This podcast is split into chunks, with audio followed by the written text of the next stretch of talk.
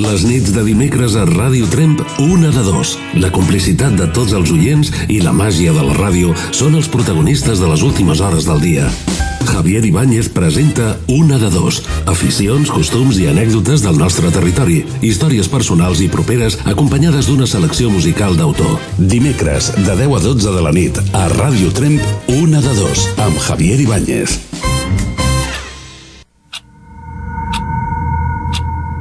Una de dos, una de dos, una de dos, una de dos. Una de dos. Una de dos.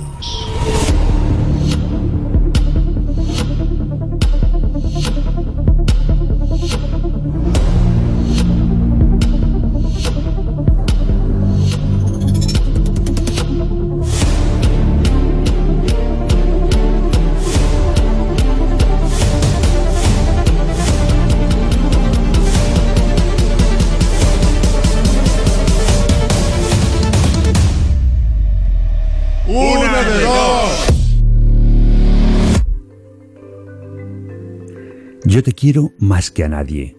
Eres el amor de mi vida. Yo no quiero a nadie más que a mi familia. Este es el vestido que más quiero. Todas estas frases tienen algo en común, el amor. Pero, ¿qué es el amor? Buscando en el diccionario encontramos que es el sentimiento de vivo efecto e inclinación hacia una persona o cosa a la que se le desea todo lo bueno. Como podéis comprobar, hay muchas maneras de tratar el amor. Algunas de ellas te dan placer y en cambio hay otras que te ofrecen un gran dolor. Lo único en común que encontramos en todos los tipos de amar es la dopamina que esta sensación nos genera. Hoy, en una de dos, queremos centrarnos en el tema del amor, con toda su pluralidad de representaciones y de variantes. Queremos saber si todos vosotras o vosotros entendéis de la misma manera lo que es el amor, si es amor a una sola persona, a la familia, a algo vivo o algo material. Cuando acabemos el programa, no sé si habremos llegado a una conclusión o no. Lo único que sé es que para bien o para mal, hoy se habrá hablado de aquella sensación que, según se dice siempre, sale directa de nuestro corazón.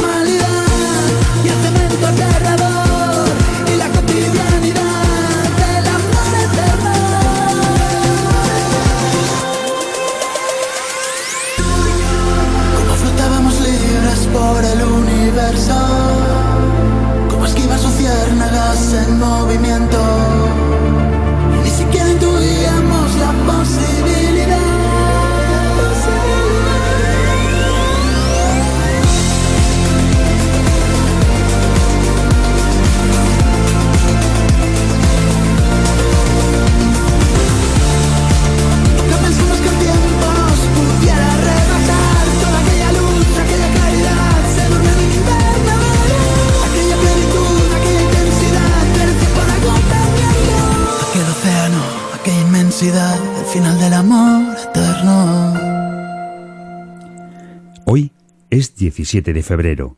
Disfrutemos del momento. Bienvenidos, benvinguts, a la 48 edició de Una de Dos.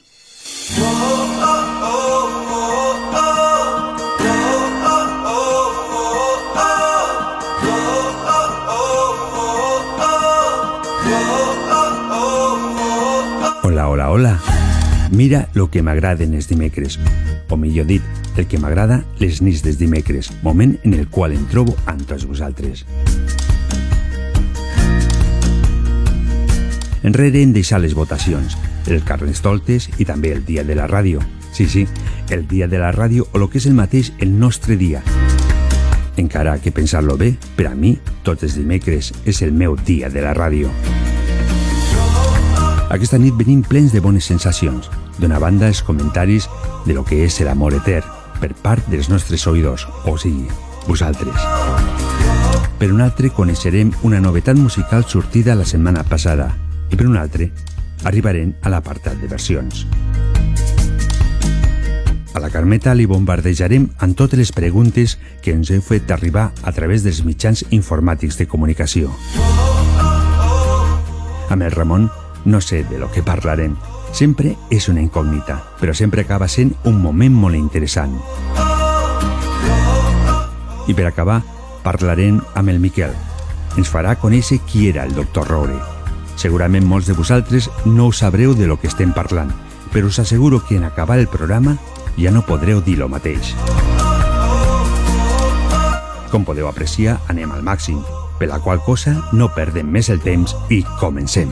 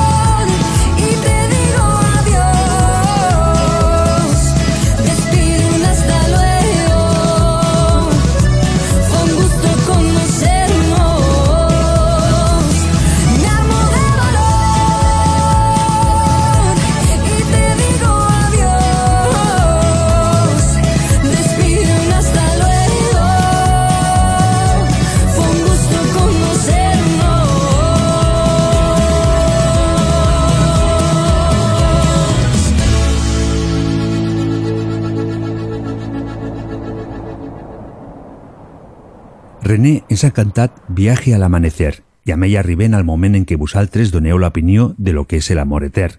Però abans us vull dir unes paraules que per de forma anònima ens ha fet arribar un oient.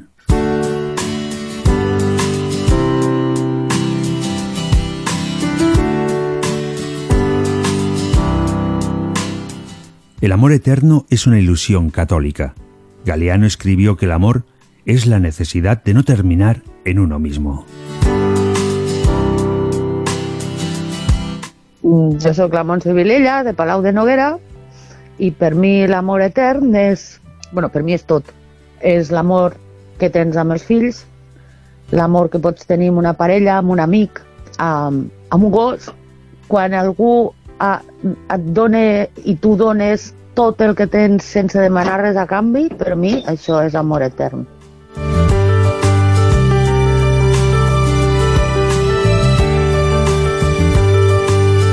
Hola, mi nombre es Jordi, de Barcelona.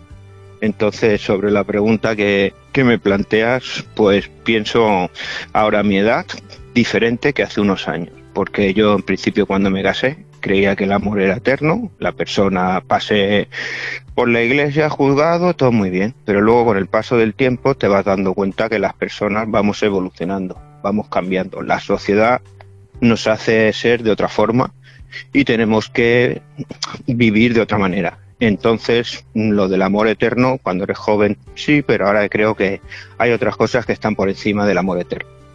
En la sociedad que estamos y como ha evolucionado, hay cambios que no te hacen pensar que se va a ser eterno. Conoces a una persona, estás con esta persona, ya puede ser de un sexo o de otro, es indistinto, porque la gente se enamora de las personas y a partir de aquí, pues bueno, la vida decide. Esto es lo que yo pienso en, resumidas cuentas.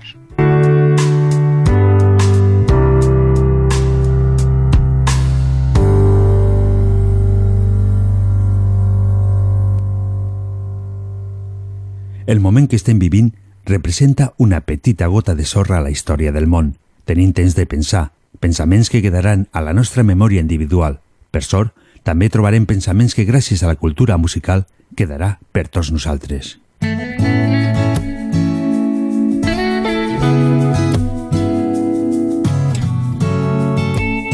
Os deixo amb la gent de Lupas i Aguet estem en quarantena. Nos pilló bailando, nos pilló el estrés, nos pilló la guerra, perdimos la fe. Mañana nos podremos ver, lejos te querrá al revés.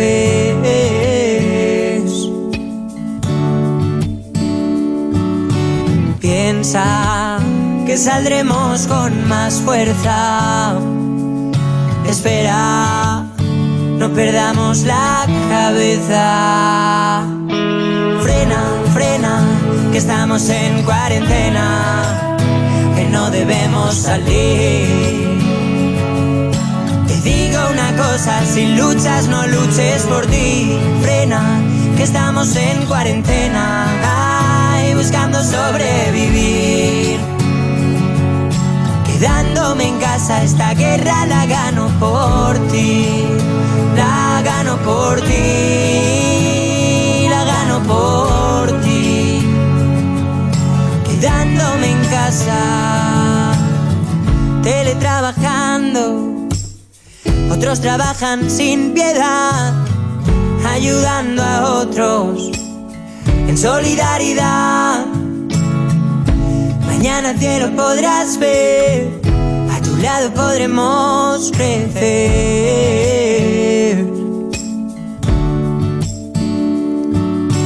Piensa que saldremos con más fuerza. Espera, no perdamos la cabeza. Frena, frena, que estamos en cuarentena, que no debemos salir. Te digo una cosa, si luchas no luches por ti, frena, que estamos en cuarentena, ay, buscando sobrevivir. Quedándome en casa esta guerra la gano por ti, la gano por ti, la gano por ti. Quedándome en casa esta guerra la gano por ti, la la la la, la la la la. Quedándome en casa.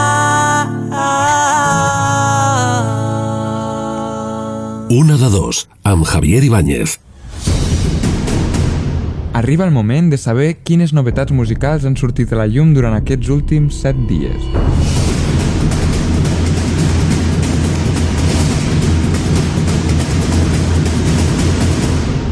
Posa't còmode o còmoda, és l'hora d'escoltar el més nou del panorama musical més fresc i pop.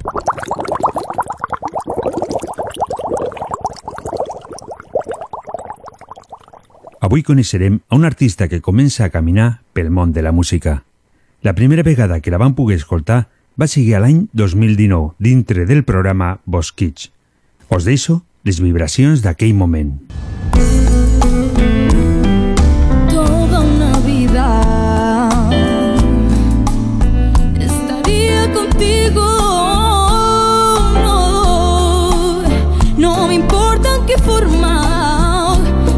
bonito. Qué bonito.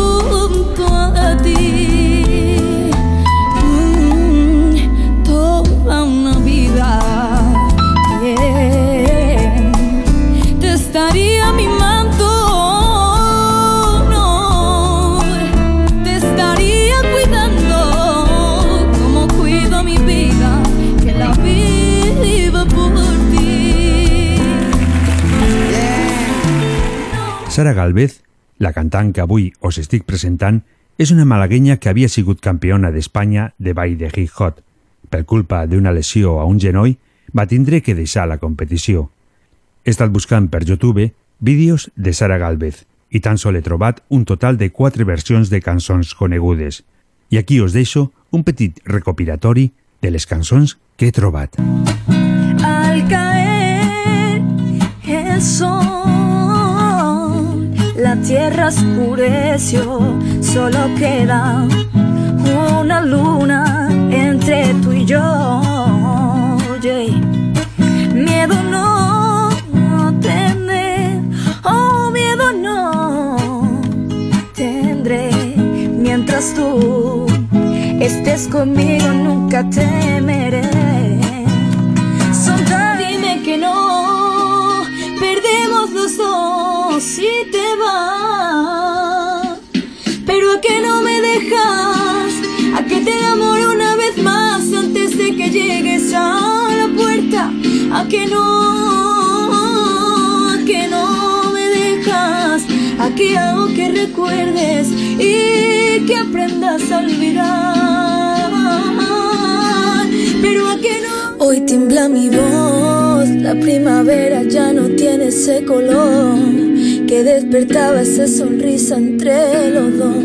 Ya no confío en lo que hoy tengo. No tienen pasión, esa mirada que me echa sin amor. Soy una persona y también tengo corazón. Dime mi vida, ¿por qué mata esto? Mi día no tiene sol. Mi Yo intentaré buscar otro camino y olvidar que ayer te tuve entre mi brazo y hoy no sé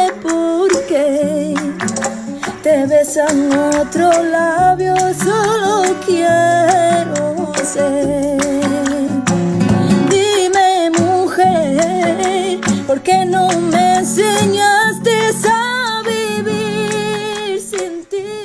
arriba el moment de conèixer la cançó que Sara Galvez va traure el 11 d'aquest mateix mes.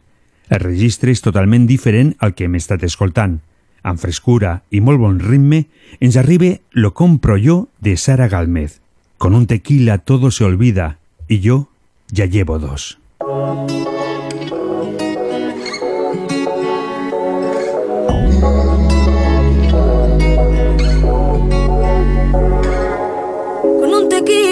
todo se olvida y yo ya llevo dos. Voy para la cima, y es que allá arriba no necesito amor. Ya yo cogí mi avión. Estoy en el cielo sin tu love, ni cobertura en mi corazón. La verdad, sí estoy mejor.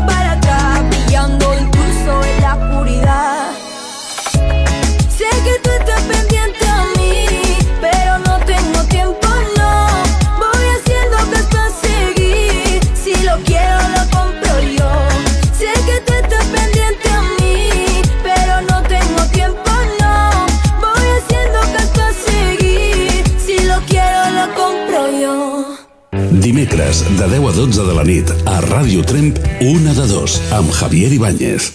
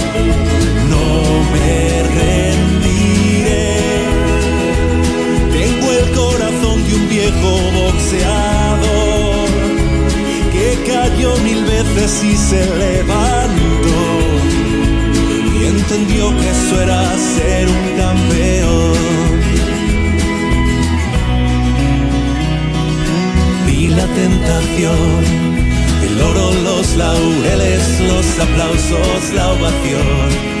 Amigos que te quieren mientras dure tu canción. Creí ser especial que yo era el hombre del millón. Y aquí está la lección. El éxito es tan solo anestesiante el dolor Lego es solo un niño herido que nunca creció. Un niño que confunde el amor con la atención. Nunca cambiaré. Hace siglos ya lo dijo el escrito. Quien se pone precio pierde su valor.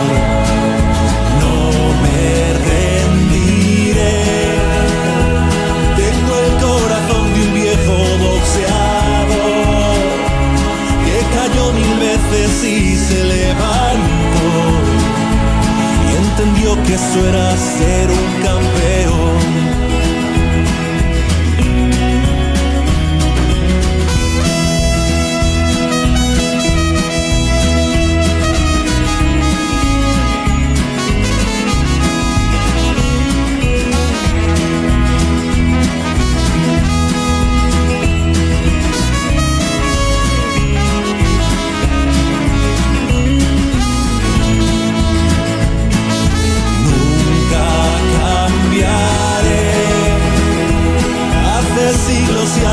dejo el escrito y él se pone precio, pierde su valor.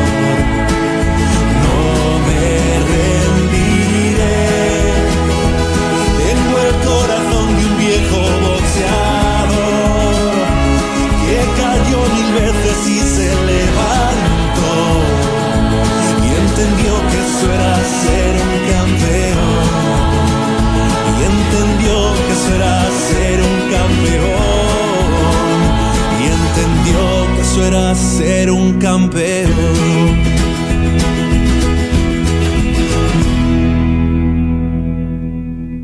Nosaltres continuem preguntant lo que és l'amor etern i l'Edgar i el Lluís de Trem ens donen la seva opinió.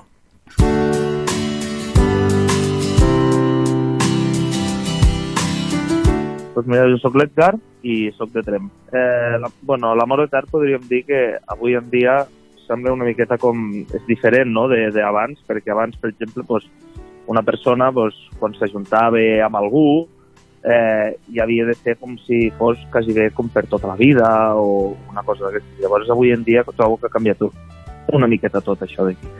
Però bueno, l'amor etern podria ser aquest amor que li tens a una persona, ja pot sigui una parella o al final un familiar, un pare, una mare, inclús pot ser un animal, eh? una mascota. O...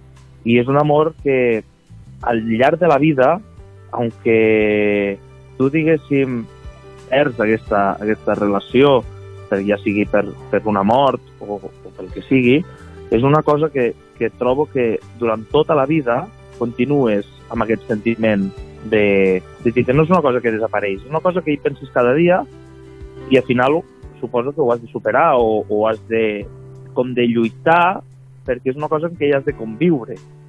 No sé, podríem, podríem, podríem definir-ho així, per dir-ho d'una manera. Eh, jo em dic Lluís i sóc d'aquí de Trem. Home, el- el- etern és, ja ho diu la mateixa paraula, no? És eh, un amor eh, que no s'acaba mai. Eh, jo considero que un amor, un amor etern, més que un amor de parella, jo considero que un amor etern és el que tu tens amb una mare o amb un, o amb un fill, no? Que saps que és una cosa molt maca, que sempre hi haurà aquell amor, que sempre hi haurà aquella, aquell, aquell respecte i que és una cosa pues, que, que no es pot acabar, no? Que, que sempre estarà allà. I això és, per mi això és l'amor etern, no? Per mi, jo ho tinc més concebut així, no? Més que amb una parella, l'amor etern el tinc concebut amb, amb, amb la família directa, no? Amb un fill, amb una filla o, o amb una mare o amb, o amb un avi, no? Amb un, fa, amb un familiar a, a prop, no? I la prova la tenim que quan ens falta un pare, una mare o un avi, vull dir, eh, sempre ens en recordem no? de, de les anècdotes que teníem amb ell i tot, no? i mentre tu estàs recordant aquella persona, tu el continues estimant i el continues tenint allà i continues tenint d'alguna manera el seu amor, però tu el recordes, no? Aleshores, per mi això és una cosa molt, molt, molt bonica, no? Ja et dic, ho tinc més concebut amb això, no?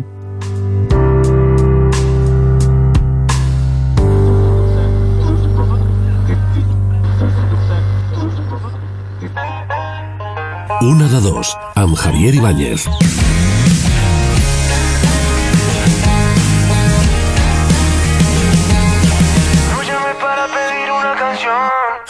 Para hablarle no tengo otra opción Porque ella muy probablemente está escuchando Y yo de frente no me atrevo ni a empezar esta conversación. Yo enamorado de ella No lo ha notado. 15 minutos de fama por uno a su lado Quiero que ella sepa que me enamoré Que esté escuchándome. Y le lleguen por la radio mis besos al aire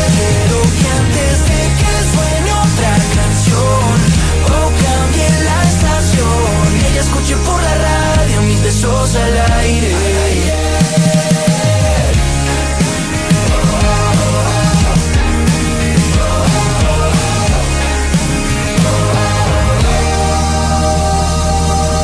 Si gracias a un amigo yo la conocí y por culpa del destino nunca más la vi. Que esta voz de enamorado la recuerde de algún lado y si la escucho por la radio se acuerde de mí. Yo enamorado yo lo he notado. 15 minutos de fama por más su lado. Quiero que ella sepa que me enamoré Que está escuchándome. Y le llegué por la radio mis besos al aire. Quiero que antes de que suene otra canción O cambie la estación. Ella escuche por la radio mis besos al aire puede escuchar. Y me llamaré mañana.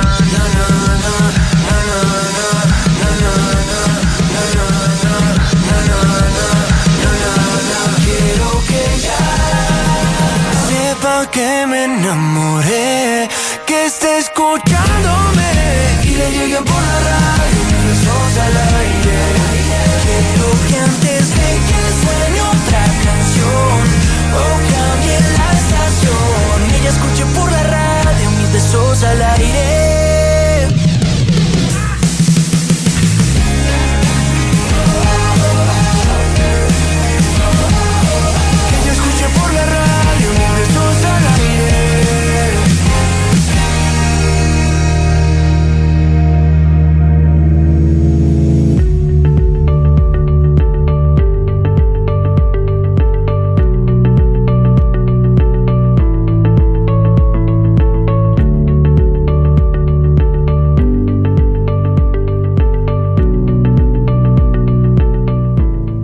Quan un artista s'atreveix a versionar un altre, en general és degut a una certa admiració.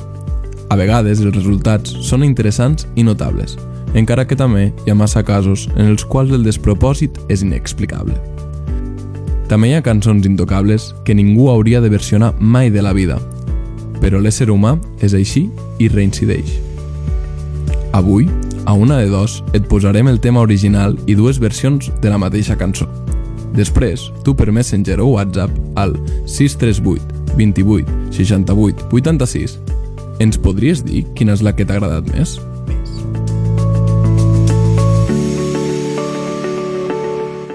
Avui, a una de dos, escoltarem una balada que, sens dubte, hem ballat més d'un de nosaltres, Corazón Partido. És una balada escrita i interpretada pel cantautor espanyol Alejandro Sanz. Va ser estrenada durant l'últim quart de l'any de 1997 i va trencar rècords per haver-se mantingut durant més de 70 setmanes en les llistes de diversos països com Espanya, Mèxic i l'Argentina, atorgant-li diversos reconeixements, per la qual cosa és la cançó més important en la carrera de l'espanyol.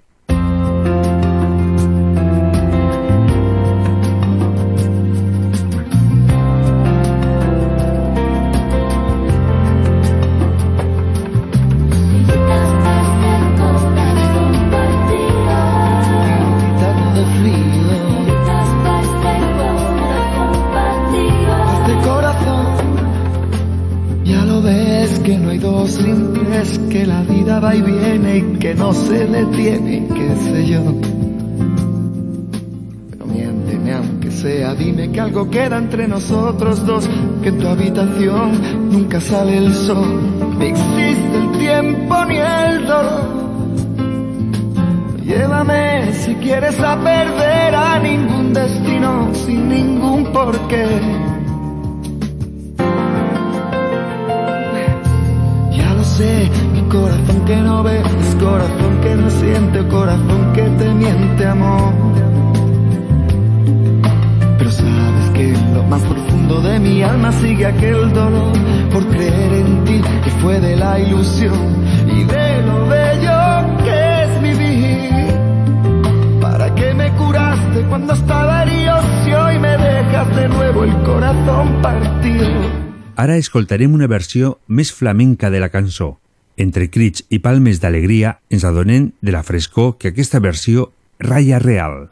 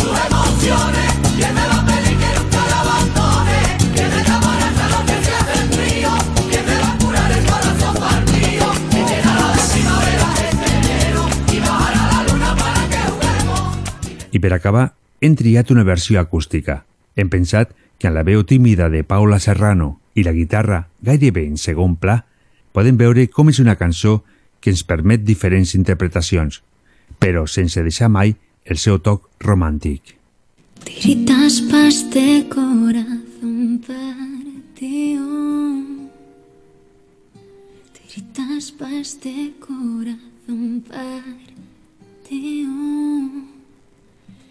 Ya lo ves que no hay dos sin tres, que la vida va y viene y que no se tiene y qué sé yo.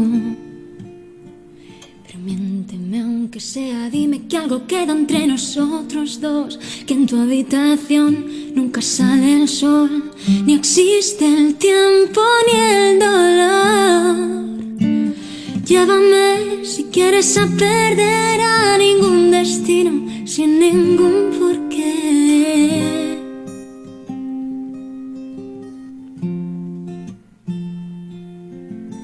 Ya lo sé, que corazón que no ve es corazón que no siente, corazón que te miente, amor.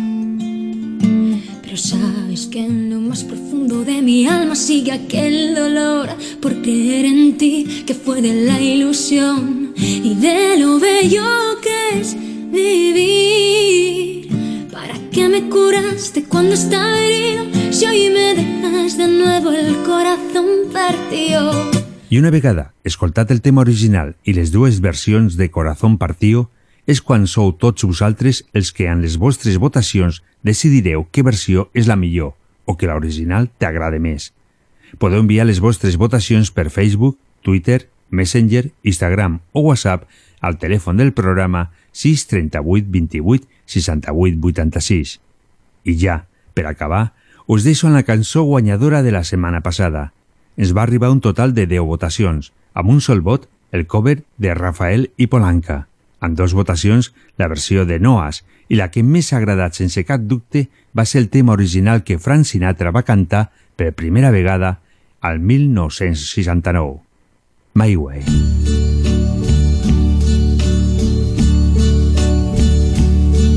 And now the end is near, and so I face the final curtain. My friend, I'll say it clear, I'll state my case, of which I'm certain. I've lived a life that's full. I traveled each and every highway and more, much more than this. I did it my way. Regrets, I've had a few, but then again, too few to mention. I did what I had to do, saw it through without exemption. I planned each charted course, each careful step along the byway and more, much more than this. I did it my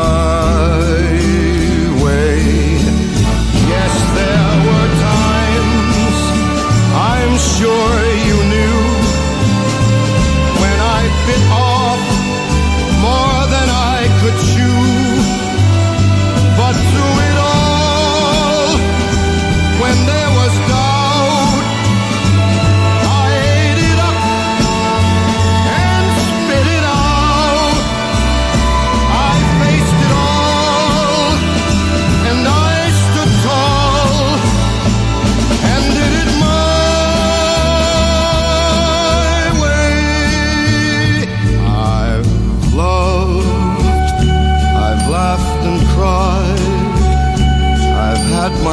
my my share of losing.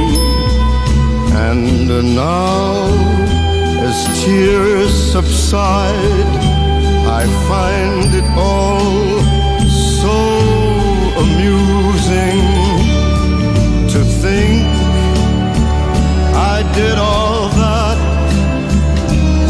And may I say, not in a shy way.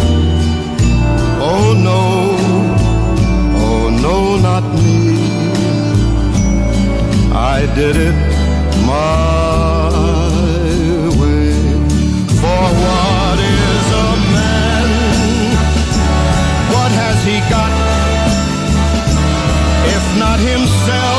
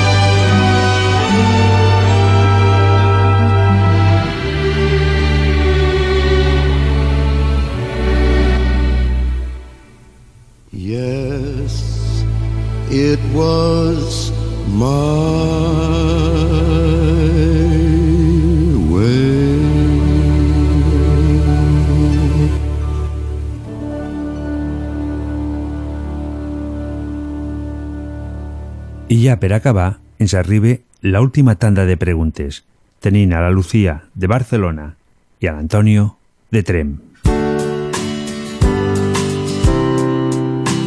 Hola, buenas al programa y a Javi. Fantástico tu programa, me encanta. Eh, me llamo Lucía, vivo en Barcelona. Y bueno, eh, respecto a la pregunta del amor eterno, mm, bueno, es un concepto que varía, yo creo que puede variar a lo largo de los años, igual que nosotros variamos. Cuando eres joven el primer amor te parece que va a ser eterno, lógicamente luego ya no lo es. Bueno, por lo menos en mi caso. Eh, yo me he separado dos veces, con lo cual el concepto de amor eterno dejó de existir y creo en el amor en cada momento. Y ojalá, y intento luchar, y digo ojalá porque es como la sensación y, y mis energías están puestas para que sea eterno. Pero eso nadie te asegura que así lo sea, que pueden pasar muchas cosas que de un momento a otro pues dejen de serlo, o por una enfermedad, o por una decepción, o porque simplemente no, no hay lo que tiene que haber en tu día a día que haga que eso continúe siendo eterno. Así que, bueno, esa es mi opinión, que hay que luchar para que el amor esté vivo cada día y que ojalá sea eterno, pero mm, la experiencia me ha demostrado que hasta ahora no lo ha sido. Ojalá lo, siga, lo sea, para lo que me queda de vida con la pareja con la que estoy, que soy muy feliz, pero hay que luchar para que cada día sea así.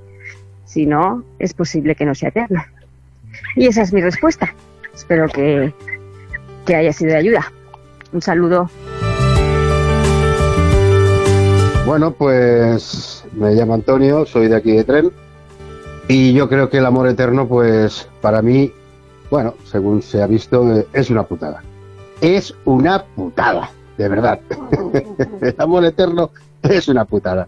Porque, bueno, eh, llega el momento que es tan eterno que al final, pues la, la cosa, pues, ¿me entiendes, no? Va como va. Bueno, chicos y chicas, tener todos amor eterno, que es una buena putada. Adiós. Les nits de dimecres a Ràdio Tremp, una de dos. La complicitat de tots els oients i la màgia de la ràdio són els protagonistes de les últimes hores del dia.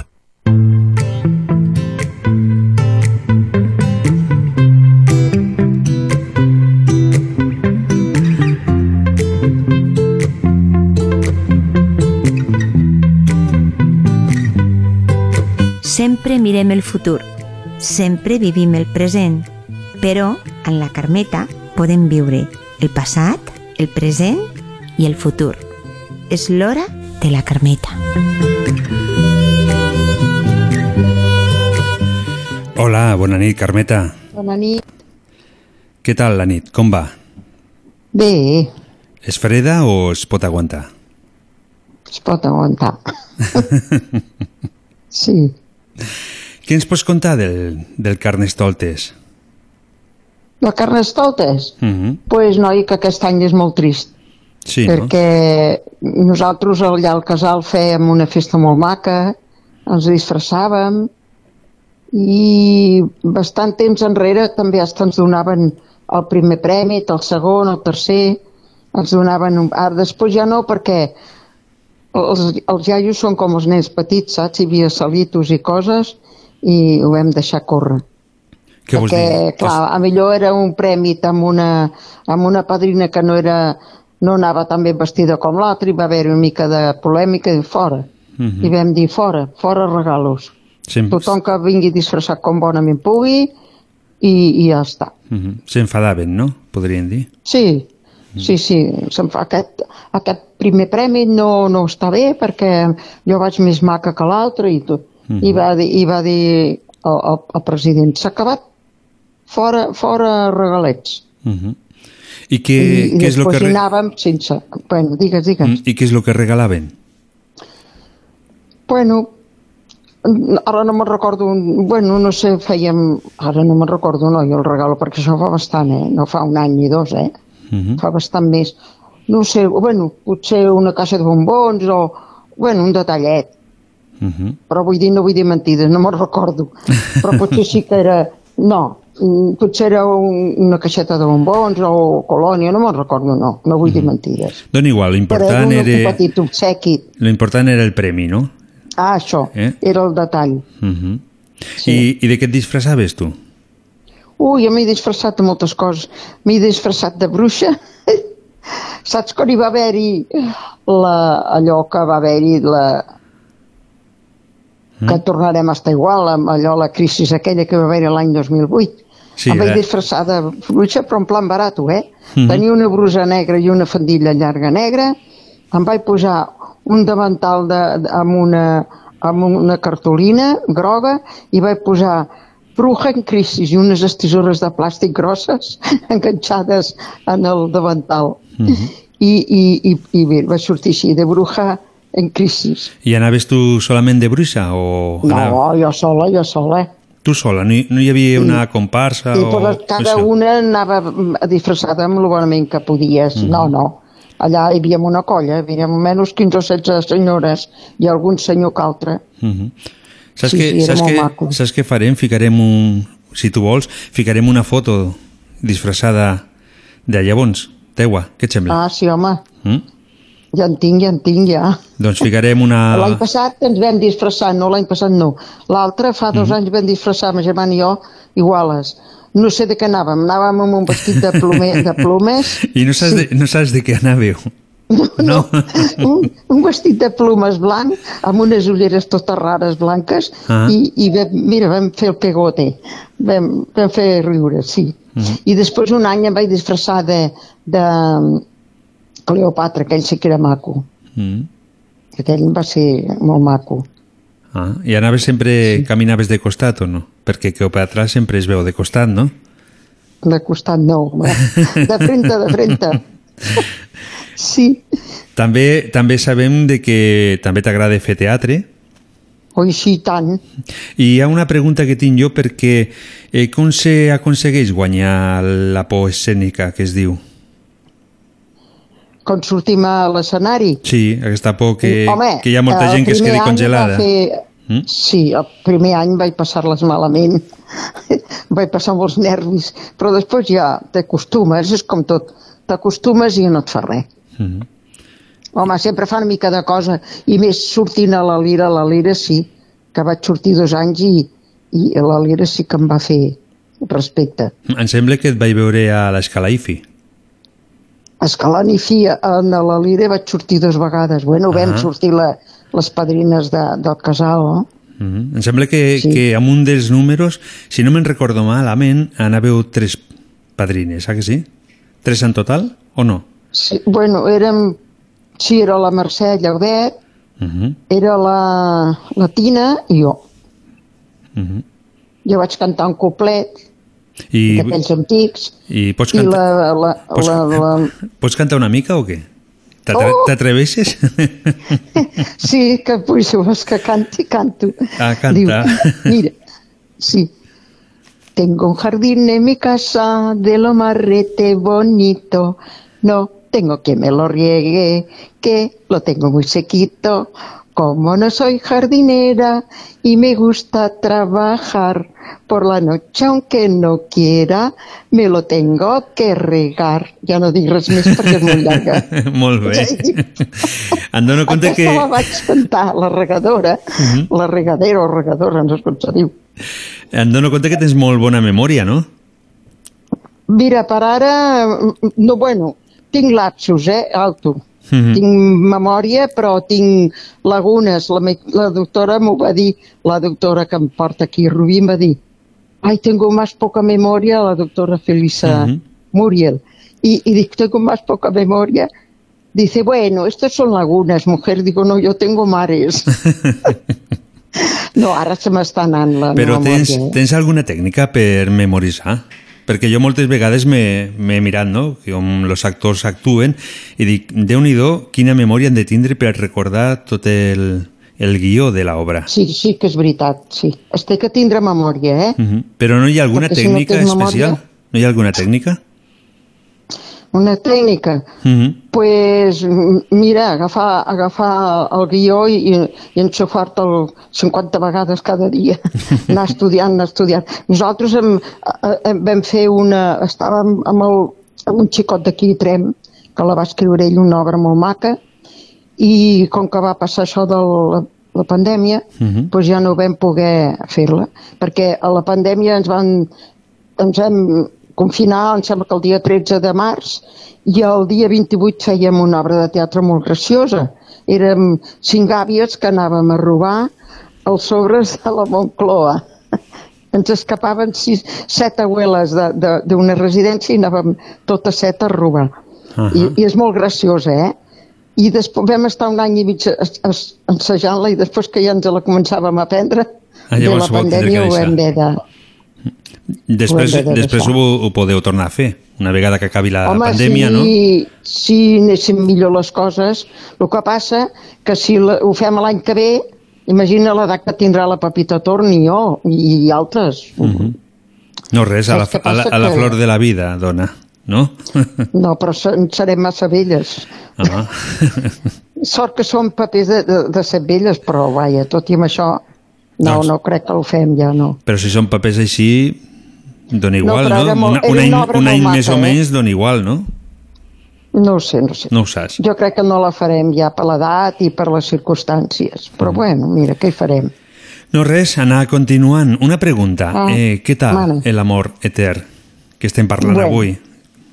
Jo em vaig a dir una, però és per mi. Després faré un incís per, per la gent, eh? Uh -huh. Mira, jo per mi, eh, particularment, i no vull molestar ningú, jo per mi l'amor etern és l'amor de Déu.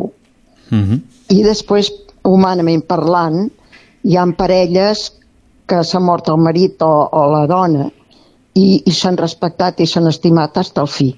Encara, gràcies a Déu, queda parelles així, velletes, que s'estimen i respecten i tot això. Però avui dia ja et dic que la- l'amor etern em sembla que quasi aviat no, no existirà Mm, Serà el com... que es veu. Home, perquè hi ha molts divorcis, vinga divorcis, vi... ja ho dic per, Mhm. per una cosa que tu ja la saps. Vinga divorcis, vinga divorcis, Que no s'aguante tant què? les coses, la gent no aguante, no? I no, llavors no, no tot... s'aguanta res. Mm. No s'aguanta, no s'aguanta. És el temps que tenim. Avui en dia és un temps d'anar ràpid, no? no. Bueno, però anys enrere s'aguantava massa, potser, eh? Aha, I entre, ara entre, entre massa i s'aguanta massa poc. poc. Entre massa i poc. Sí, sí. I on Ah, tindrien, com- on tindrien la línia del mig? Jo trobo que, mira, mm, la meva germana, poso la meva germana perquè jo no, no coneixo més matrimonis més íntims, així, a part dels meus fills. la meva germana fa 42 anys que estan casats i ella està super enamorada del meu cunyat, eh? I suposo que ell també li deu estar igual, no sé. Però aquests van, veig que van aguantant. Però, vaja, no existeix l'amor, això, amor eterno. Mhm. Avui dia en aquest planeta no existeix. Bé. Ja et dic, pot, pot ser que hi hagi, perquè això és dir massa. A lo millor, Pot sí, que a lo hagi- millor sí que se, en algun moment se troben. Hi ha gent que, que fa molts No. anys i a millor sí. Sí, sí. No, no, Bueno, no ho ja sabem dic- perquè no, no estem en la pell d'aquestes persones, no?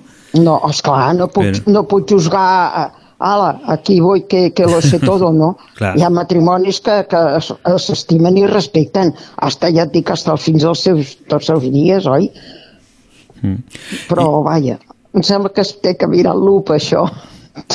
I avui també tenim que dir als nostres oients de que tenies una mica de por perquè avui no hi ha preguntes. Avui no nos ha arribat cap pregunta i què farem? Bueno, doncs De- què farem? De què parlarem?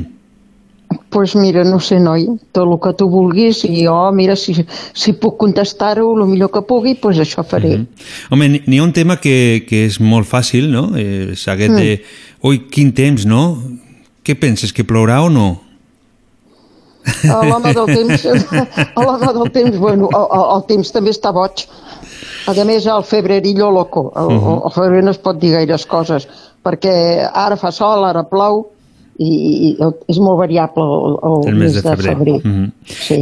I què Però sobre el temps també ha canviat tant. De quan jo era petita, jo no he portat catiusques, saps el que són, no?, per la pluja. Sí. A- Aquella, allò, aquells, aquelles botes que eren brillants, que eren com de xarol, i, i altes, per com plovia, i així. Jo me'n recordo el que era tardor, que sempre estava plovent, jo sempre deia, jolín, quina més, sempre està plovent. I ara, si un dia et fot... Mira, l'altre dia, no fa gaire, fa potser, potser un mes, que la nit jo estava aquí mirant tan fresca la tele i, i uns llamps uns trons i va fer una tormenta tan rara que va durar no sé si va durar 10 minuts. I aquesta tormenta era d'estiu, no era d'hivern, perquè encara estem a l'hivern. Uh -huh. I el mes passat em sembla que va ser. però va variant tot, el temps varia i... Home, imagina't a, a, de cop i volta que et fumi un, una tronada i uns llamps que il·luminaven a mitja habitació, dic, ara, quina cosa més rara. Uh -huh. A l'hivern normalment no té que fer llamps, és a l'estiu. A lo millor no, a lo millor no era una tormenta i no et vas donar compte de que era una festa clandestina. El què? A veure que se sent una mica malament. Que a lo millor no et vas donar compte i era una festa clandestina, en No, llums. sí, una festa, festa fotre. Era trons i llamps, que encara estic bé de coco, eh? Sí. No, no, era, era una tormenta, era una tormenta. Ah. Una tormenta, però ràpida, eh? Uh -huh. Ràpida. Doncs ja estem, ja hem acabat. Què et sembla? Bueno, pues, Eh. voldria, escolta, voldria saludar la doctora, la meva amiga de l'alma, Uh -huh. La doctora Carmen Meda, que és que, és, que viu a Mallorca, que allà també comencen a escoltar el programa, eh? Ah, sí? Ah, Sí. Doncs de- des d'aquí envien salutacions cordials a, a tota Mallorca, no? Sí, Sí, sí, pues saludo als, als que escoltin i, i principalment a la doctora. Uh -huh. Eh? Algun dia d'aquestos la trucarem també i le farem algunes de les preguntes que fem durant el programa. Què et sembla? Ah, sí, home, sí, tu, estupendo. Uh -huh. Ja ho Sí, sí, pensarem. i després a la Mari també, vull, vull dir-li a la Mari, eh, De Terrassa. la del Berni, Mhm. també un gran saludo Des d'aquí. de part meva. I una gran abraçada també. I una bona abraçada i una estirada d'orelles, per què les orelles? perquè no la veig mai, no puja Ah. mai ara. No és que no pugui, és que no, no la deixin, no? Perquè no, no ens deixen no, moure. no, perquè no, ara ho, ho dic en broma. La pobra no deu poder pujar perquè no ves que no et deixen sortir de, del poble on vius. Uh -huh. Doncs clar, mira, ni, ni els meus fills pugen, imagina't. Sí, per això hem d'aguantar el temps que estem visquint i Sí, més no, endavant sí. ja ho farem tot lo, lo que puguem. Sí, sí, ja vindran tiempos mejores. Uh -huh. Mentrestant no vinguin peores, I nos, saps? no, no, i nosaltres que ho disfrutem. Doncs, Carmeta, què et sembla? Ho deixem per el dimecres que ve? Si Déu vol, sí, noi. Uh -huh. Molt pues bé. gràcies d'escoltar-me. Ui, tant. Ha sigut tot bona un nit plaer. a tothom. Molt bona nit. Bona nit. Bona nit i gràcies. I nosaltres continuem. No marxeu, que d'aquí poc vindrà el nostre amic Ramon. La nit. Aquí estoy muerto de miedo, voy a verte de nuevo, no sé qué decir. Practiqué en el espejo y hasta pedí consejos para hacerte reír. Ya compré caramelos y me peiné el pelo como te gusta a ti. Y estoy pidiéndole al cielo que cuando me veas te pongas feliz. Tú me haces ser inocente otra vez, más ingenuo, más frágil tal vez. Me haces niño y no pienso crecer. Ey, Llegaste, mi media luna, tú llegaste. No estaba oscuro, pero alumbraste. No estaba vacío, pero me llenaste. Estaba herido, pero me curaste. Me miraste, me mataste. Volví a la vida cuando me besaste. Yeah, yeah, yeah, yeah. Con tus ojos chiquititos sentí que mirabas muy dentro de mí. Te imaginaba desnuda y toda mi armadura caía ante ti. Tú me haces ser inocente otra vez, más ingenuo, más frágil tal vez. Me haces niño y no pienso crecer. Llegaste, mi media luna, tú llegaste.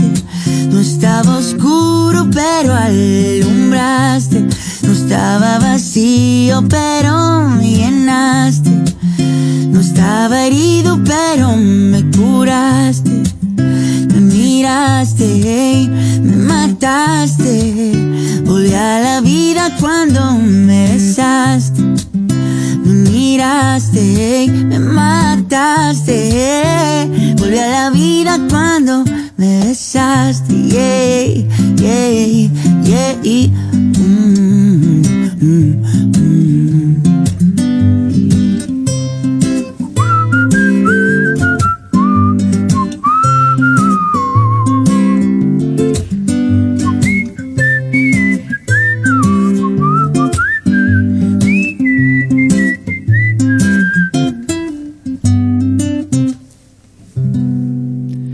Em direu que aquesta cançó no et dona bones vibracions amb aquesta hora de la nit. Esteu escoltant Ràdio Trem, la ràdio del Pallars, la veu de la Conca, 95.8 de la FM. Esteu en la edició número 48 de Una de Dos.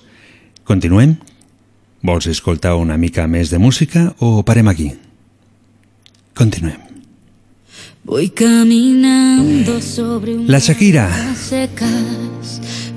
Aquesta veu tan espectacular, aquestes notes musicals...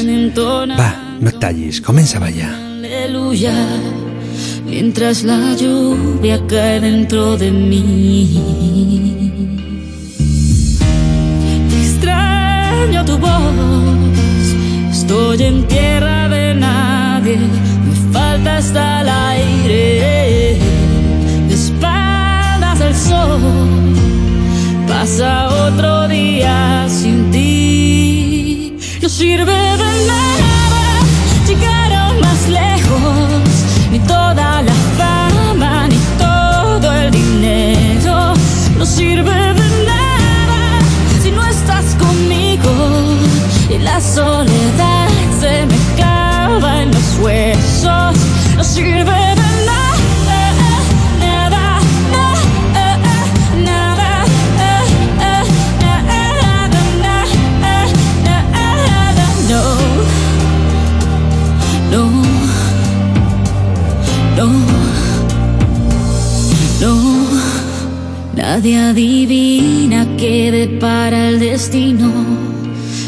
Nuestro camino aún está medio a hacer.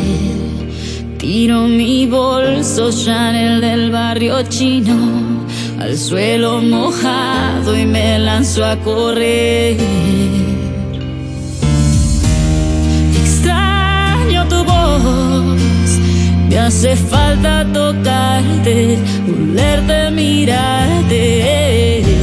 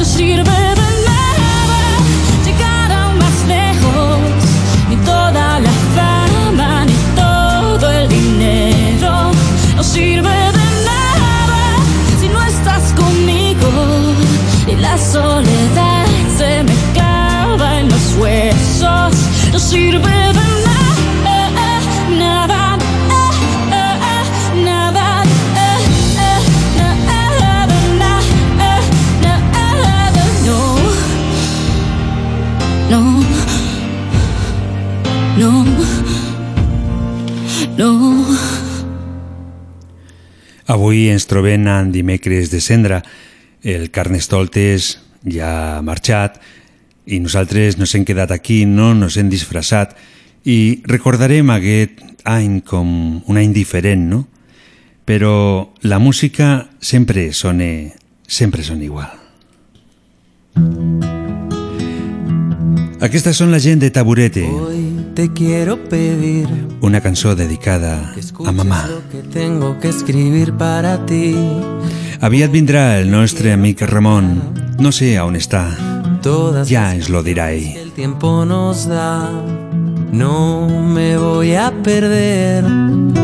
Si estoy ahora en la cima, te lo debo también. Es inútil llorar.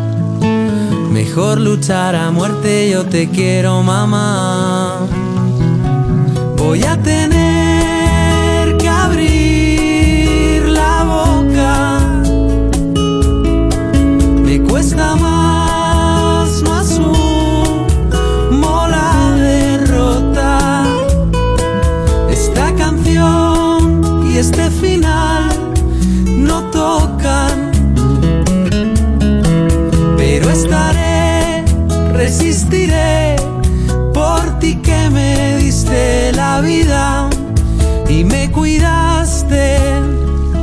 en las noches rotas.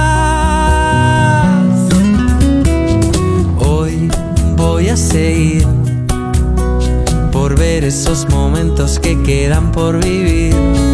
Te recordaré si miro cada noche tu foto en la pared.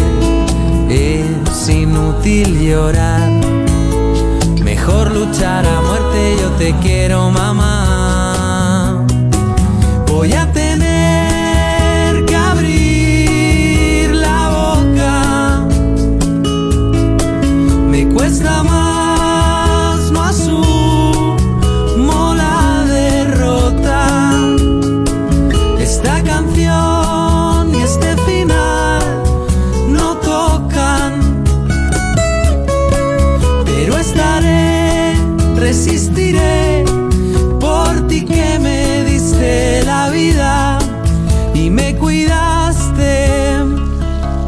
las noches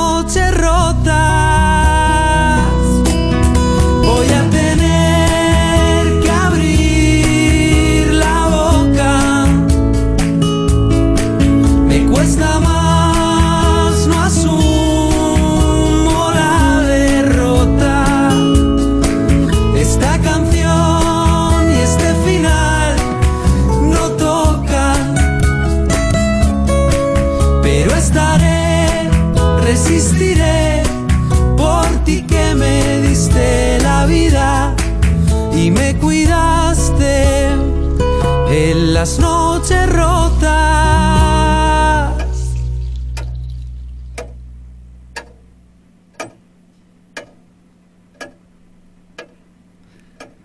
No hem marxat, continuem aquí en la vostra companyia. En aquest moment tenim una temperatura d'un total de 12 graus i diuen que sobre les 5 del matí més o menys arribaré a, a 8 graus. No sé si això serà veritat. Des d'aquí, des de la ràdio, volem donar salutacions cordials a tota la gent de Talar. Salutacions i, com no, escoltant la música de Carlos Vives, Robarte un beso. Son muchos años que pasaron sin decirte quiero. Y en verdad te quiero. Pero encuentro formas de engañar mi corazón. Son muchos años que pasaron sin robarte un beso. Solo quiero un beso. Y por esa boca no me importa ser ladrón. No puede ser que no he encontrado todavía las palabras. Y en esa noche no dije nada. No puede ser que en un segundo me perdí en. Cuando por dentro yo te gritaba.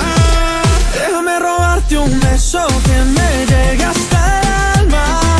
Como un vallenato de esos viejos que nos gustaban. Sé que sientes mariposas, yo también sentí sus alas. Déjame robarte un beso que te enamore y tú no te vayas. Déjame robarte un beso que me llegue hasta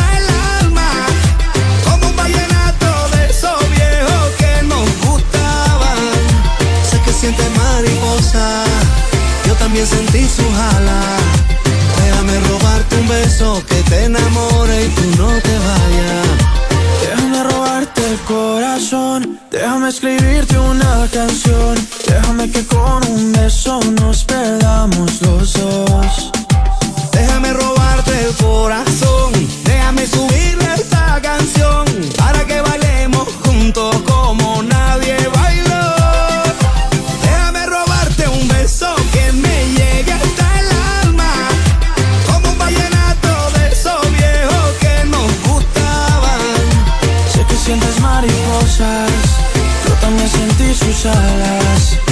Déjame robarte un beso que te enamore y tú no te vayas.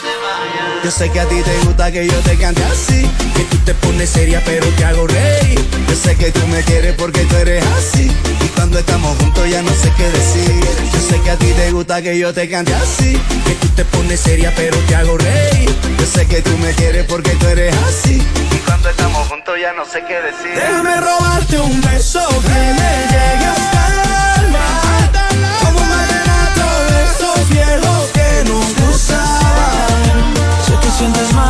que sientes mariposas Yo también sentí sus alas Déjame robarte un beso que te enamore y tú no te vayas Déjame robarte un beso que me llegue hasta el alma. Como un vallenato de esos viejos que nos gustaban. Sé que sientes mariposa.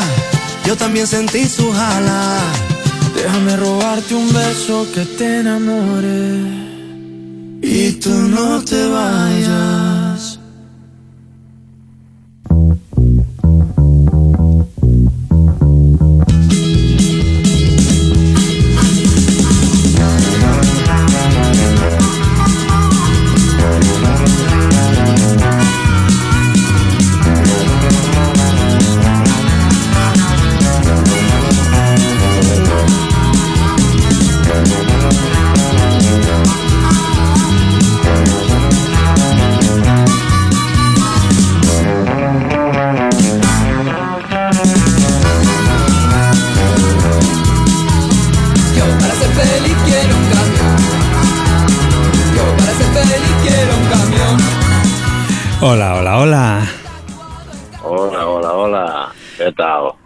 Jo bé, i tu què tal?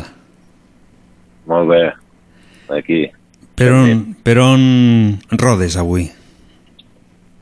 Pues estic a Bissaurri. Bissaurri.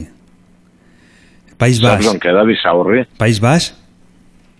Home, pues no. No? A mi em sembla que sí, no? Bissaurri és el que em sona.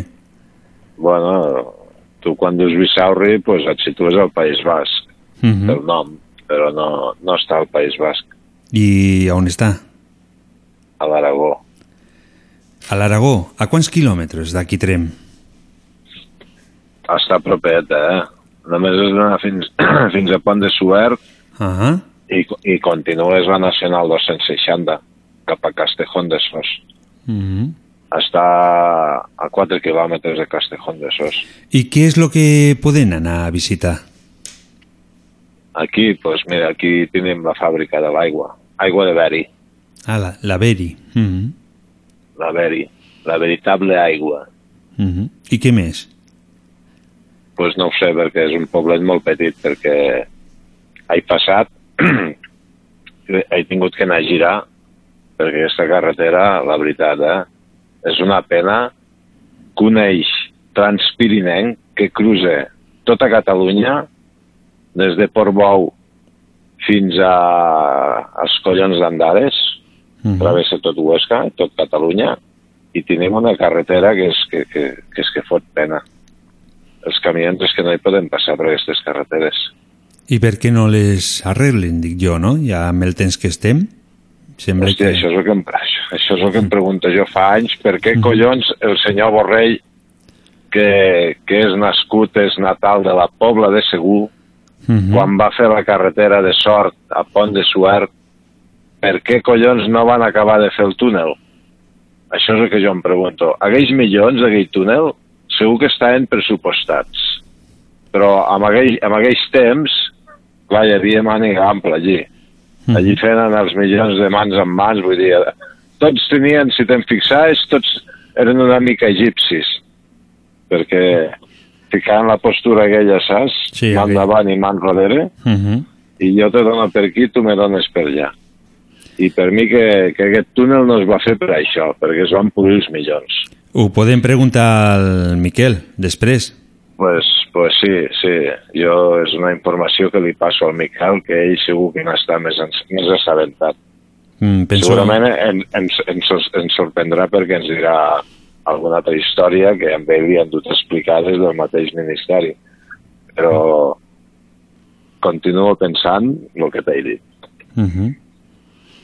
A mi Bueno. sempre em deien, piensa mal i no erraràs. Home, clar, però tampoc no es tracta de pensar sempre malament, però en aquests casos sí que penso malament. Sempre penses malament en aquests casos. No, en aquests casos sí.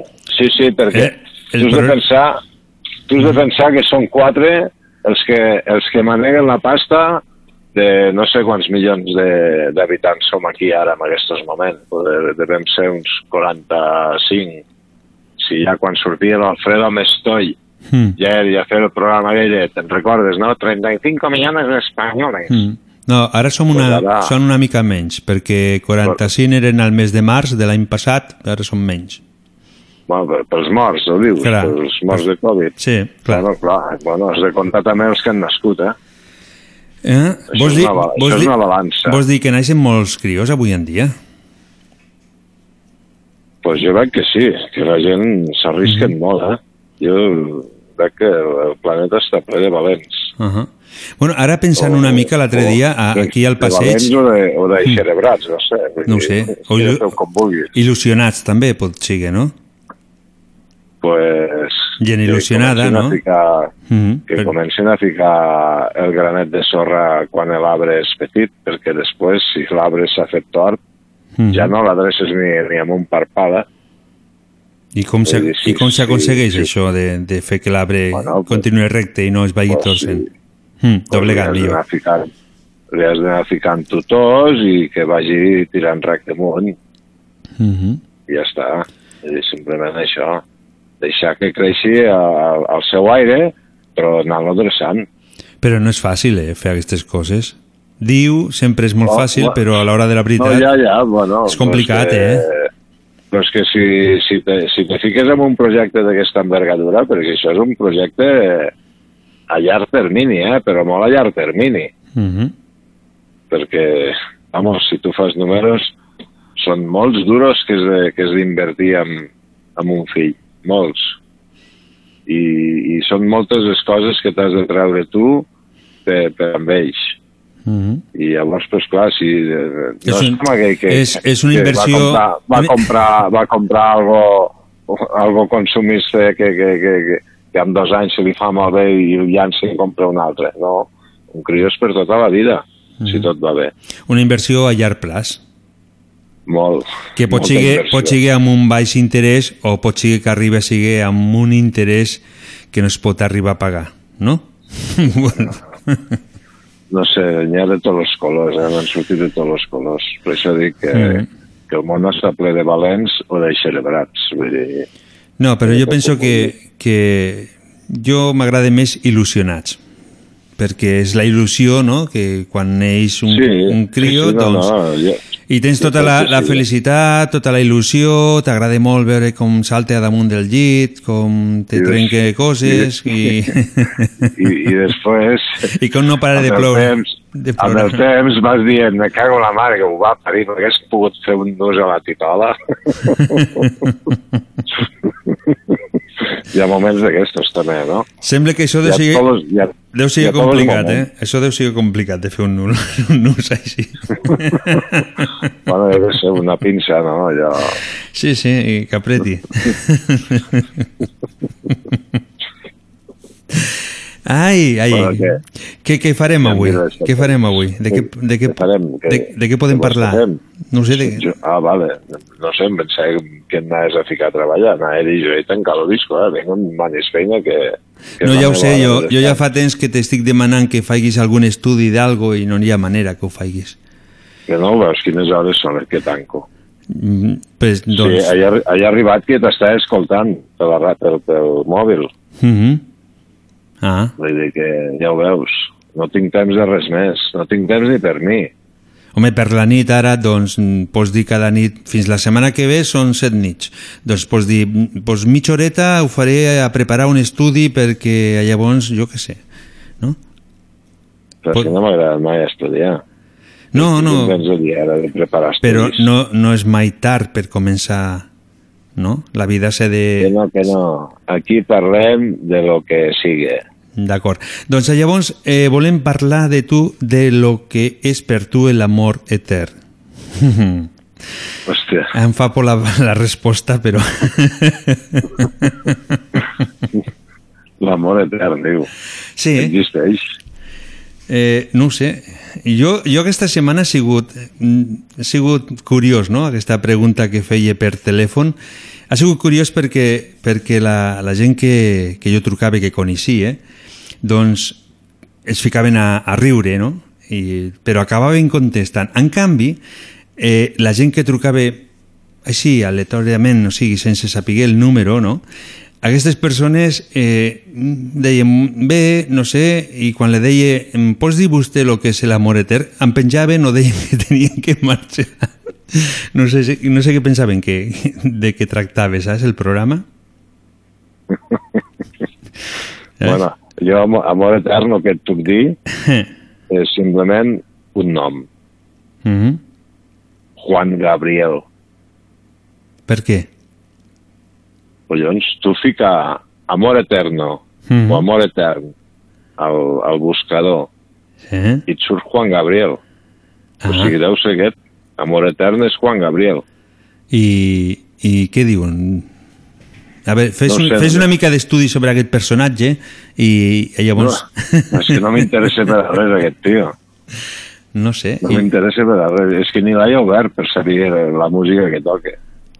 Però és que només amb aquest nom ja és que m'ha Mhm. sonat a, a, a, a, a, com aquell, com el Luis Miguel. I com se diu, m'has dit? tio- Juan, què? Juan Gabriel. Tu fiques amor etern al buscador del Google i el primer que et surt és Juan Gabriel. Ahà. Però, Però... bueno, si te'l vols escoltar, a mi t'agrada pel, pel programa. Jo és que no... Bueno, ni- aquest, ni aquest personatge, eh, una cançó que es diu Abrázame muy fuerte, ¿por qué me haces llorar? Ya no vivo por vivir hasta que te conocí y querida.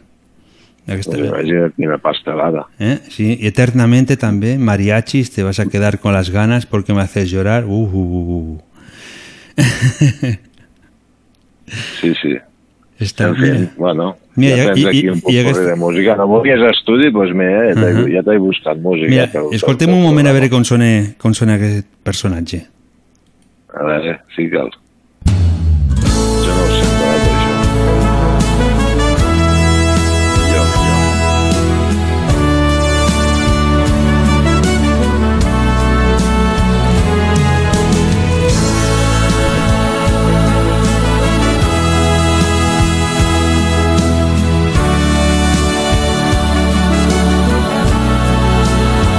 tinc, ja en tinc prou, tu, ja en tinc prou. Ja en tinc prou.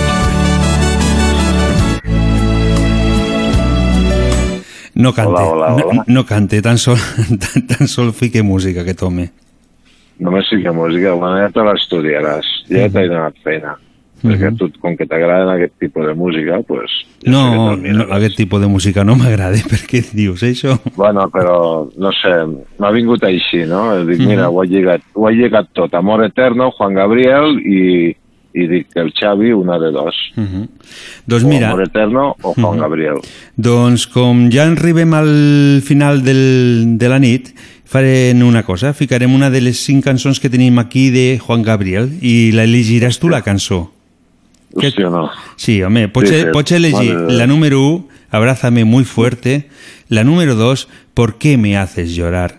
La número 3, Ya no vivo por vivir, la número 4, Hasta que te conocí, i la número 5, Querida. Quina vols de totes aquestes? La, aquesta que em farà plorar.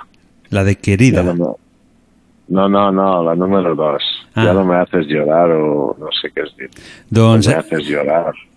farem una cosa aquesta nit, et despedeixes tu i ho fas presentant aquesta cançó, quan vulguis. No, no, no, no si és que ni, ni el conec ni, ni la vull presentar. Jo Però és fàcil, tu tan sols tens que dir aquesta nit us deixo en la música de Juan Gabriel ¿Por qué me haces llorar? O algo així, per l'estil, no costa gaire, eh? Bueno, va, aquesta nit us deixaré amb aquest, amb aquest personatge que no sé qui és i jo pues, ja no l'escoltaré perquè ara quan me penjarà el Xavi pues, aquí es quedarà la cançó amb tots vosaltres, que la disfruteu. Apa, fins la setmana que ve, sigueu bons. El títol? Jo que sé quin és el títol, Digue- digue'l tu el títol, que jo no la veig, la cançó. Ja no m'haces llorar. m'haces llorar. Ai. Molt bona nit. Molt bona nit. Apa, adéu. La cançó que ha elegit per tots vosaltres el nostre amic Ramon. ¿Para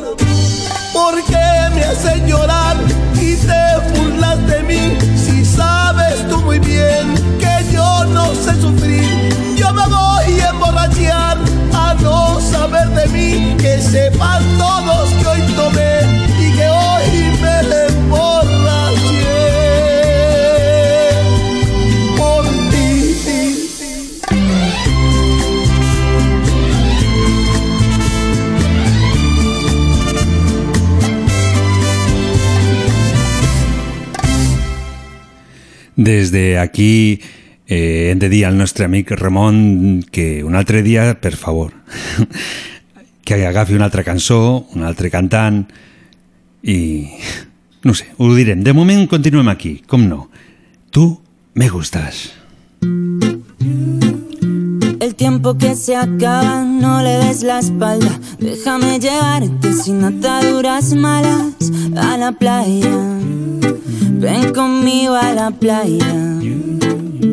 Me sienta bien, te siento bien, mejor juntitos, acurrucaditos, me sienta bien, te siento bien, no te vayas. Y es que me gusta cómo me quedas, me gusta.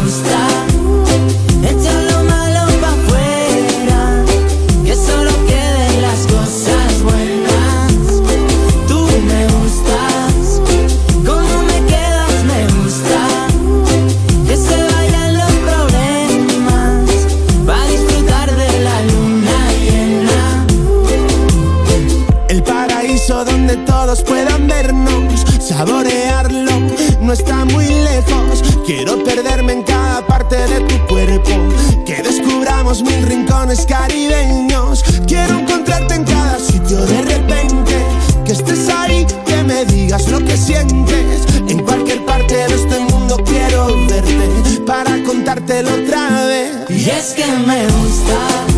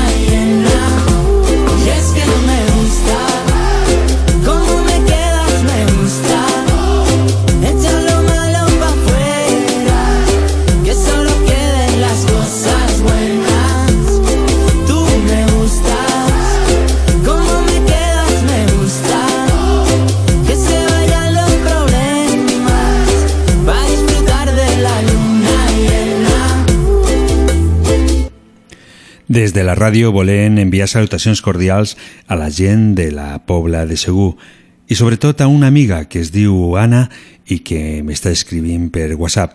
Des d'aquí, salutacions des de la ràdio i per tu, la música de Adrien. No marxeu, que aviat vindrà el nostre amic Miquel. Parlarem del doctor Roure. y no puedo esconderlo.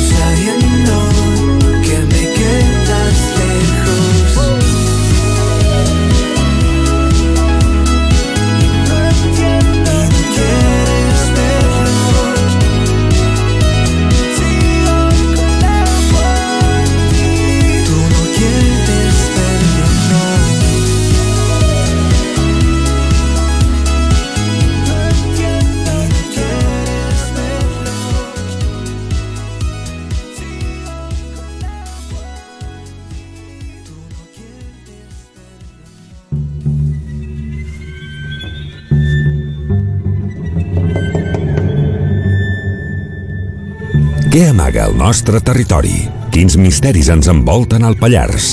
Tot això i més ho anirem descobrint a poc a poc amb l'ajuda del nostre amic Miquel. Comença Els misteris del Pallars. Bona nit, Miquel. Bona nit, Javi. Tornem de nou un altre dimecres. Molt bé, sí senyor. A la carga, a l'ataque. Abans de començar podem respondre una mica la pregunta del nostre company Ramon? Sí, sí. Bueno, la Nacional 260, el tros que coneixem que està bé, tothom ho coneix, que va de, de Pobla a Xerallo. I està bé pues, perquè el ministre Borrell, que és fill de Pobla, pues ell va dir que allò s'havia d'arreglar. I el projecte que falta fer, el va fer, el va fer redactar ell, el projecte del famós túnel de Perves, i jo estic segur que si ell hagués estat dos anys més de ministre, estaria fet el túnel de Perves. aquí quan marxa el que tira el que tira de la corda és el que mane i si marxa el que tira de la corda la corda se'n va a un altre puesto.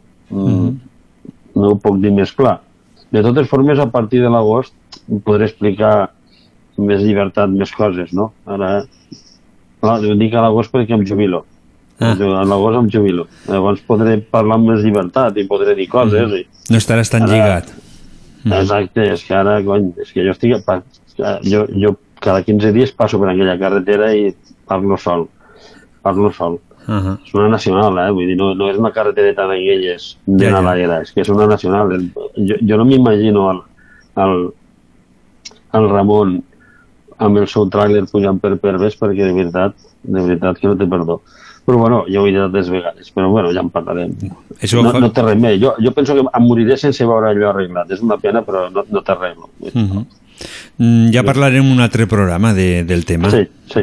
A, Vale. a partir del mes d'agost, hem dit, eh? Exacte, sí, sí, sí. I avui, avui de què parlarem? Home, del, del senyor Roure, de l'Agustí Roure, el doctor Roure, que té un carrer al seu nom, que ja és complicat.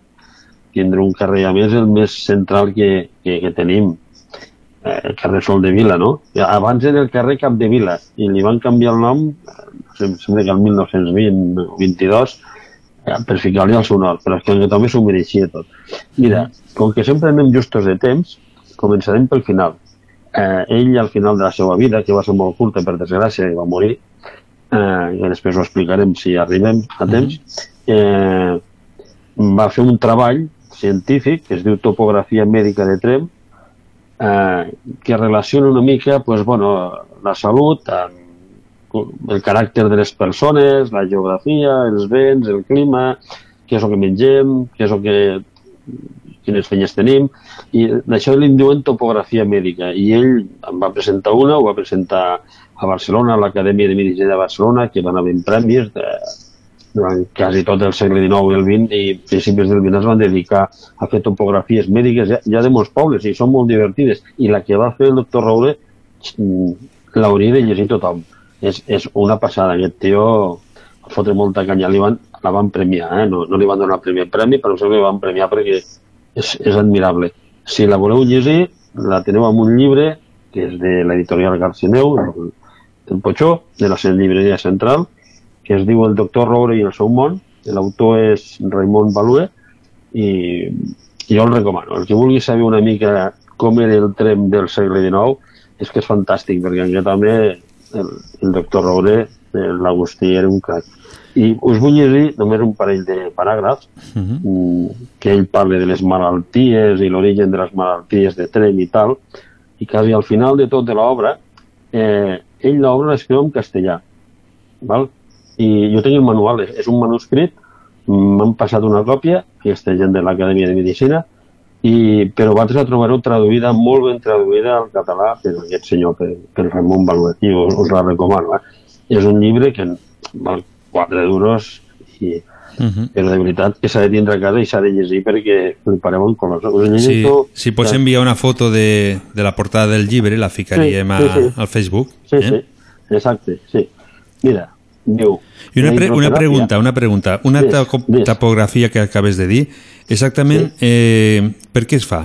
Què és el que es busca amb, amb això? La, en aquella època, que era època que la medicina pues, s'estava desenvolupant mm, més que ara, perquè llavors eh, venien d'una època molt fosca i llavors començava la ciència a intervindre, intentava lligar la, la demografia, el tipus de població, eh, eh, la botànica, ho relacionaven perquè, per exemple, és evident que els postos que fan més fred hi ha més constipats, no?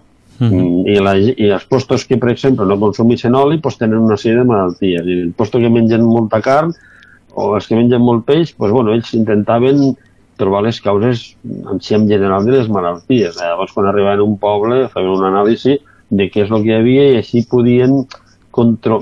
saber una mica què és el que patia la gent o per què ho patia la gent, no? I com, més o menys, eh? Vull dir, eh, això és molt complex, jo de medicina no, no sé res, Mm. i és el que he llegit perquè quan m'he llegit la topografia mèdica de Trem és que flipava amb colors. Llavors, eh, perquè veieu, he buscat dues frases, eh, són curtetes i, i donen una, una mica com, com tracta Guetame el tema de les malalties, de per què, com tractava de la, la gent de Trem, no? Diu, mira, diu, en català, eh? Sí, sí. agafar la versió catalana. Mira, diu, la hidroteràpia serà per espai de molt temps un recurs inútil a aquesta gent, a, no, a aquest país, ja que són molt contraris a l'ús de l'aigua. No hi ha ni tan sols el costum de rentar els nadons, de forma que hi ha veí de Trem que encara porta la pell el greixum sebàcid el dia del seu naixement. per mi és brutal. I la penúltima, la penúltima frase de, de la seu treball diu, diu, i finalment que tothom tingui més cura en la higiene privada i pública perquè, tot repetint allò que he dit abans, sigueu nets i viureu sants. O sigui, m'entens? Mm, Més porc impossible. Sí, Sí, del no. greixum del naixement és que és brutal. Eh, home, no, no tot el treball és així, no? Perquè Mhm. pues, parla pues, de, de, del clima que fa aquí, d'aquestes boires que... Bueno, ell, ell va morir d'això, saps? Del del clima i, bueno, pues, està bé. Jo us ho recomano perquè mm, precisament quan vaig llegir el llibret aquest en català i vaig llegir que la versió, o sigui, la- l'original era en castellà, pues, em vaig estar pues, com un mes donant-li toms a veure com podia aconseguir-la. Bueno, al final m'han fet un favor, me l'han passat Mhm. i, i en castellà pues, diu el mateix, passa és que jo intento, bueno, no sé, veure de l'origen, no? no? no de la traducció. I diu el mateix, eh? vull dir, no, no us cal patir. Però us la recomano perquè és molt bo, molt bo, i a més el, el, el és, treball que ha fet és recuperar una mica el trem De, de la I, no? Sí, sí, sí, sí, sí. El, tre- el, el tren de final del 19 és que és brutal. El, la- el treball que ha fet el, el Raimon Baluer és que és boníssim. I et dic, val 4 euros, no, és que és de lo, de lo més bo que he llegit fins ara de tren. Els altres són massa acadèmics. Bueno, doncs pues mira, el Agustí Roure pues, va néixer a Lleida el 1850, vale? eh, són, els seus pares vivien a Lleida, però el pare era de Lleida i la mare era de Balaguer, vale? Mhm. encara que els padrins es veu que eren de Reus. Eh, ell és el primer fill, vale? eh, i després va tindre tres germans més. Eh, quan tenia 4 anys, doncs la família, perquè el, la situació política i social era molt complicada en aquella època, havia moltes guerres i cops d'estats, i, bueno, en fi, un altre dia parlarem de la, de, de la història, és molt complicat, el segle XIX és molt complicat, sempre estaven amb lío.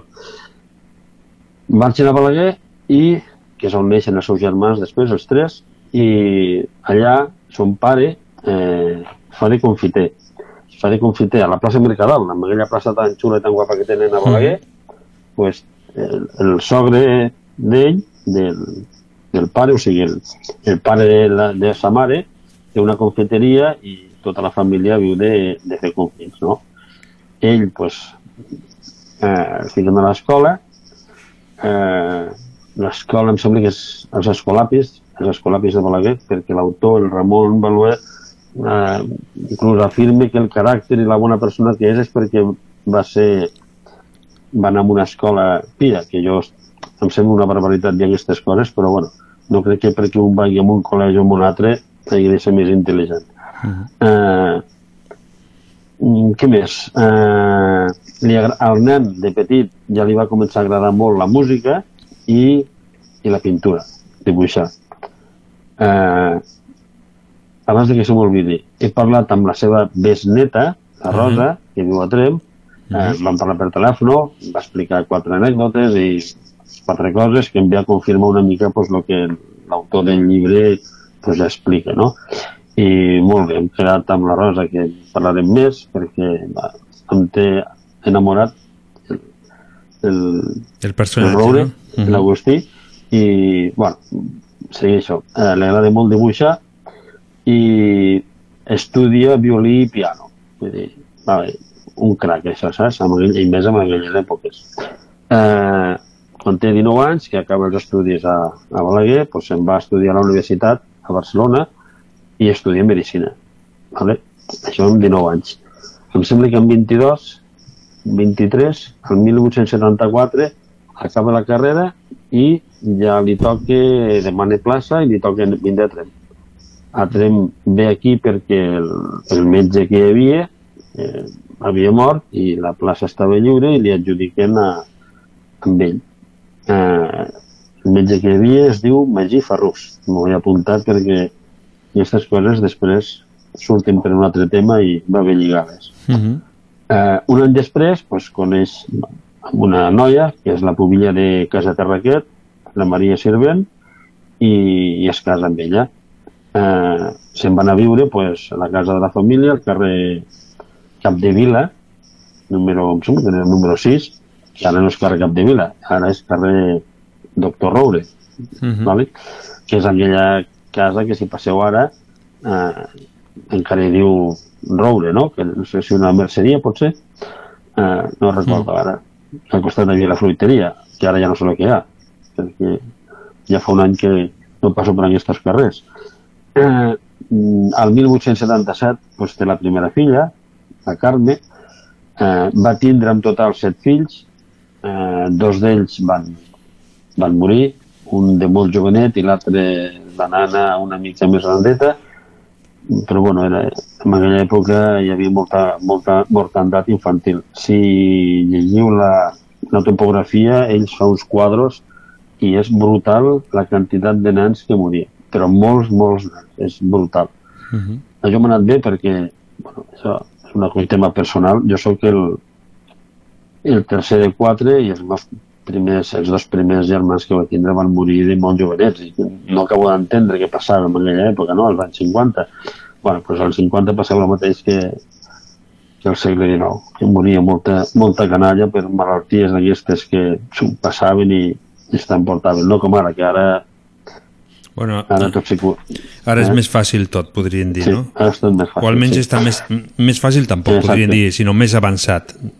Sí, bueno, doncs la primera filla la té el 1877, el mateix any és el senyor que funda la Lira, i no sé si te'n recordes que fa molt temps, fa molt temps, vam parlar a quin any s'havia fundat la Lira, la societat aquesta coral, Uh -huh. pues, eh, la va fundar ell el 1877, perquè a més de metge pues, saps que era músic, que li agradava que hem dit abans, el piano i tal, vale? i també el 77 és eh, elegir el regidor. És, ell era republicà i es presenta per un partit republicà i reelegit, no? Uh -huh. Eh, el 1881 torna a, a presentar, s'hi torna a ser elegit, i mentre es dedica a fer una sèrie de treballs científics molt bons. He recuperat un, que és una cosa molt estranyíssima sobre les tuberculosis, no sé què, dels ulls, unes coses és que no entenc de medicina, no sé exactament el que fa, però molt bé. I després pues, eh, es va fer famós també perquè amb un senyor que l'havia fet un tiro al cap eh, i no va morir, pues ell amb una cosa que llavors s'hi feia, que ficaven corrent a les ferides, eh, el va curar, no? També he pogut localitzar eh, l'article Uh -huh. i, bueno, tinc per si algú algun dia demana o per si l'hem de consultar. I en aquest també pues, anava fent, eh, dibuixava bé, escrivia bé, i a més era un home que no parava mai. Eh, a més a més d'atendre els, els de Trem, atenia mitja comarca. De fet, això li va costar la vida. I repassant els seus llibres, pues, l'autor, el, el Ramon Baloé, se n'adona que, perquè ell s'ho apuntava tot, eh, no sé quin any era, eh, va deixar de cobrar un 30% de lo que havia de cobrar els malalts, pues, perquè era gent que no podien, inclús es deia d'ell que eh, quan anava a passar a visitar deixava d'amagatotis diners a sota el coixí perquè quan marxés ell, que no volia cobrar, que no cobrava, a sota el coixí trobarien els quartos per poder comprar els medicaments. Uh -huh. A veure, no, el, el carrer no li van regalar, vull dir que també era especial, això ho va guanyar pols. Eh, ell era llicenciat en Medicina però volia ser el doctorat. És difícil d'entendre perquè són els estudis que feien en aquella època, que després d'estudiar doncs, quatre anys a Barcelona eh, va haver de marxar a Barcelona perquè ell volia fer el doctorat. I doncs, del 82 al 85 eh, marxa a Madrid, eh, la família se l'emporta a Balaguer i està pues, tres anys sense venir de tant tren de tant en tant per, per veure la casa i tot i controlar el que tenia per aquí però d'això i el 85 ja torna, torna definitivament. Eh, es comença a preparar el llibre aquest de la topografia mèdica de Trem Mhm. i eh, li publiquen aquesta topografia al 89 i, i, i li donen un premi perquè ja dic, és que és, és brutal el que arriba a escriure eh, detalls de tot, no? de, de totes les malalties també I tot fe- el tema de, Feia moltes coses, un home que, Sí, sí, que segons sí, sí. estic, Sí, m'estic sí, donant sí. compte, no? Doncs Hiperactiu, sí, sí. Mhm. eh, a, a la topografia no ho he llegit, perquè tampoc és plan que ho llegim, parla del vi, no? O sigui, I diu a la gent que, a més del vi, també hi ha aigua, no? Vull dir que no cal que, perquè és el que tenien el costum, que això l'he conegut jo, eh, alguna gent que només a aquesta casa feia una barreja. No sé si tu ho has vist alguna vegada, No, no. recordo quan era petit, lo de la barreja, una copeta d'aiguardent, o anís barrejat amb no sé què, en fi, deixem-ho així, i aquest home ja hi diu, o sigui que la tradició ja ve de lluny. Suposo que això s'ha perdut, Mhm. però Miquel, Mm. arriben al final. arribem al final. Bueno, pues he triat aquella cançoneta que espero que us agrade, de Louis Armstrong, i, bueno, penjarem la lletra traduïda de la cançó a Facebook, eh? Mhm. perquè val la pena. Doncs Espero que us agradi. et deixo aquí, si no, no tenim temps de despedir-nos. Bon, bona nit a tothom. Molt bona nit.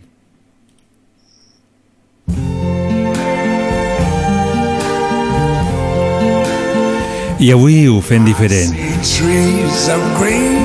Ens lo ha demanat el Miquel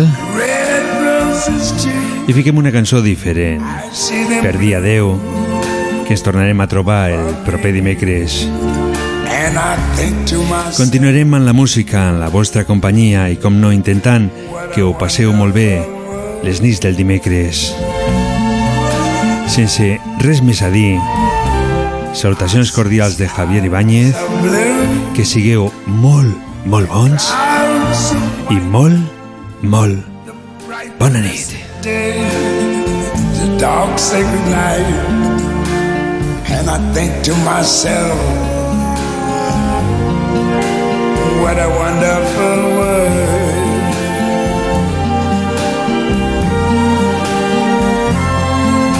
The colors of the rainbow, so pretty in the sky, are also on the faces of people going by. I see friends shaking hands